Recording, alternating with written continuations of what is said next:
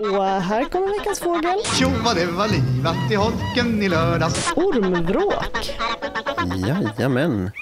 Nu ska vi äntligen ge oss i kast med ett av mina personliga favoritområden när det gäller fåglar och det är rovfåglar. Det satt långt inne.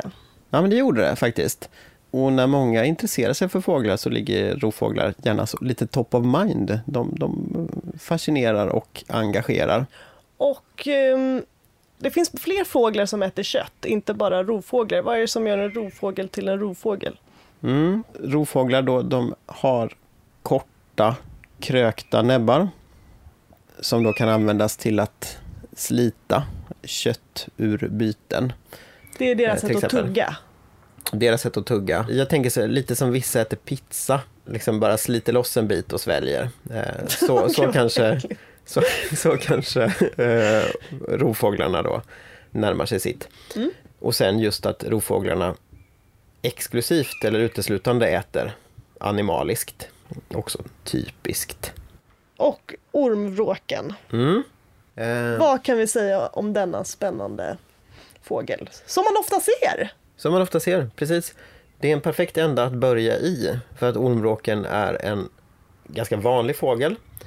Det är en fågel som ofta är ganska lätt att få syn på. Men eh, ormvråkar är lite svåra att beskriva hur de faktiskt ser ut för att de varierar rätt mycket i, sin dräkt. Ehm, det franska namnet är till exempel att det är en variabel vråk då. Så att ibland så är de väldigt ljusa, ibland så är de väldigt mörka. En del har mycket vitt i fjäderdräkten, andra har inte alls det. Så, där. så att de varierar lite, men generellt sett så kan man säga att det är en ganska stor fågel. Det är så vi föreställer oss rovfåglar. Den har oftast en mest brun dräkt, vilket också kanske är lite som vi tänker på rovfåglar. Och sen har den ett, om man ser den sitta eller om man ser den flyga på nära håll så ser man ofta att den har ett lite ljusare band på tvären över bröstet. Och ofta så ser man ju de här lite stora bruna fåglarna som sitter på stolpar i vägkanten och liknande och spanar. Och det är ormvråk som vi ser då. Och vad spanar den efter? Då spanar den efter byten på marken. Namnet ormvråk antyder väl att det, det är bytesdjur på marken då som den letar efter. Sen är det oftast inte orm utan snarare gnagare, men det kan också vara groddjur. Fågelungar, det kan säkert vara så att någon ödla eller någon orm kan slinka med ibland, men, men framför allt smågnagare, sork och liknande. Som den sliter sönder. Som den sliter sönder, precis. Och min bild är att de jagar i ganska så öppna landskap. De är inte så här, det är ingen tät skog de uh, huserar i, utan ganska öppet. Ja, precis. Rovfåglar som jagar byten på marken då, de, ofta är så här, för det första har rovfåglar väldigt god syn. Så att eh, det de gör är att de ofta antingen så sitter de och spanar eller så liksom kretsar de runt över öppna marker och spanar efter byten på marken. De kan flyga ganska högt och så ser de, får de syn på någonting och så försöker de plocka upp det från marken. Och det är väl det man tycker ser coolt ut, när de dyker rakt ner mot... Ja. Nej, det kanske inte alls ja. Nej, Okej. men det, alltså vissa, det är lite olika beteenden hur, hur rovfåglar närmar sig det här med att ta byten på marken. Ormvråken har ett beteende där de ryttlar som det heter. Och det är att de så att säga hänger mot vinden, de hänger stilla mot vinden och så flaxar de med vingarna så att de liksom De hovrar i luften. de liksom. hovrar exakt. Så det är någon slags helikopterflygande och då spanar de ner på marken.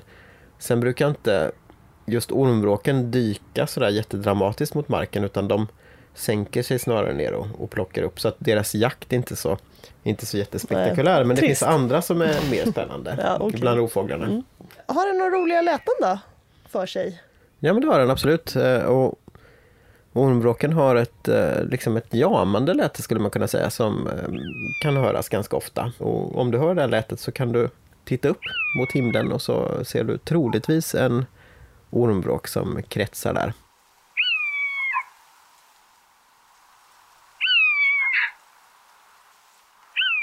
Jag tycker det här är lite obehagligt Mm. ljud nästan. Roligt att du tycker det är ett gulligt jamande.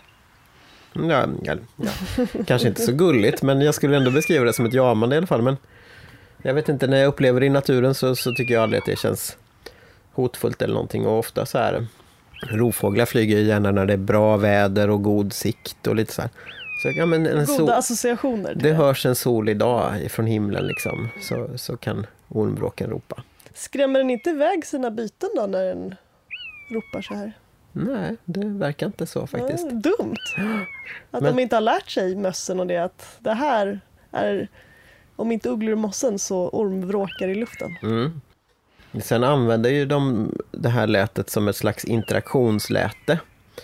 Det är inte, kanske inte direkt en sång, men det är ändå ett kontaktläte till andra ormvråkar. Så att det kanske inte är fokus på jakt när man hör det, utan att det är någon form av kommunikation som försiggår uppe i himlen.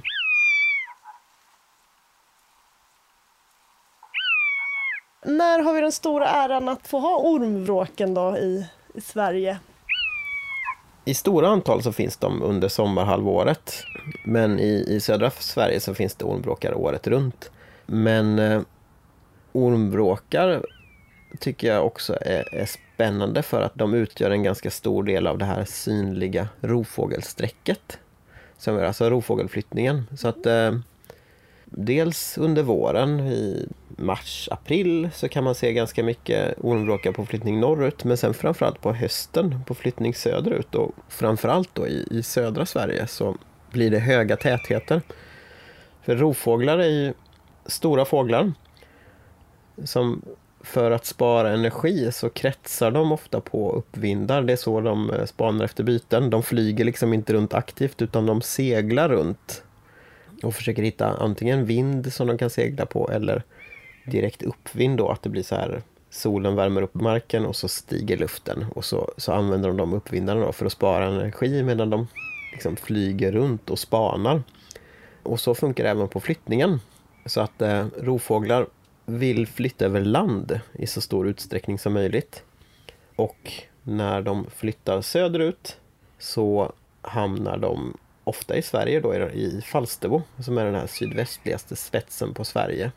Eh, Så att Falsterbonäset i månadsskiftet september-oktober så kan det vara riktigt, riktigt mycket ormvråkar om det är gynnsamma förutsättningar. Det kan handla om tusentals fåglar på en Det är dag. julafton för dig. Det är julafton för mig, absolut. Det tycker jag är en enormt häftig upplevelse. Det låter otroligt. Mm. Så det vill jag verkligen rekommendera. Falsterbo på hösten för att uppleva ormvråkar och andra rovfåglar. När förhållandena är de rätta. Ta inte med din hamster. Nej, den lever farligt.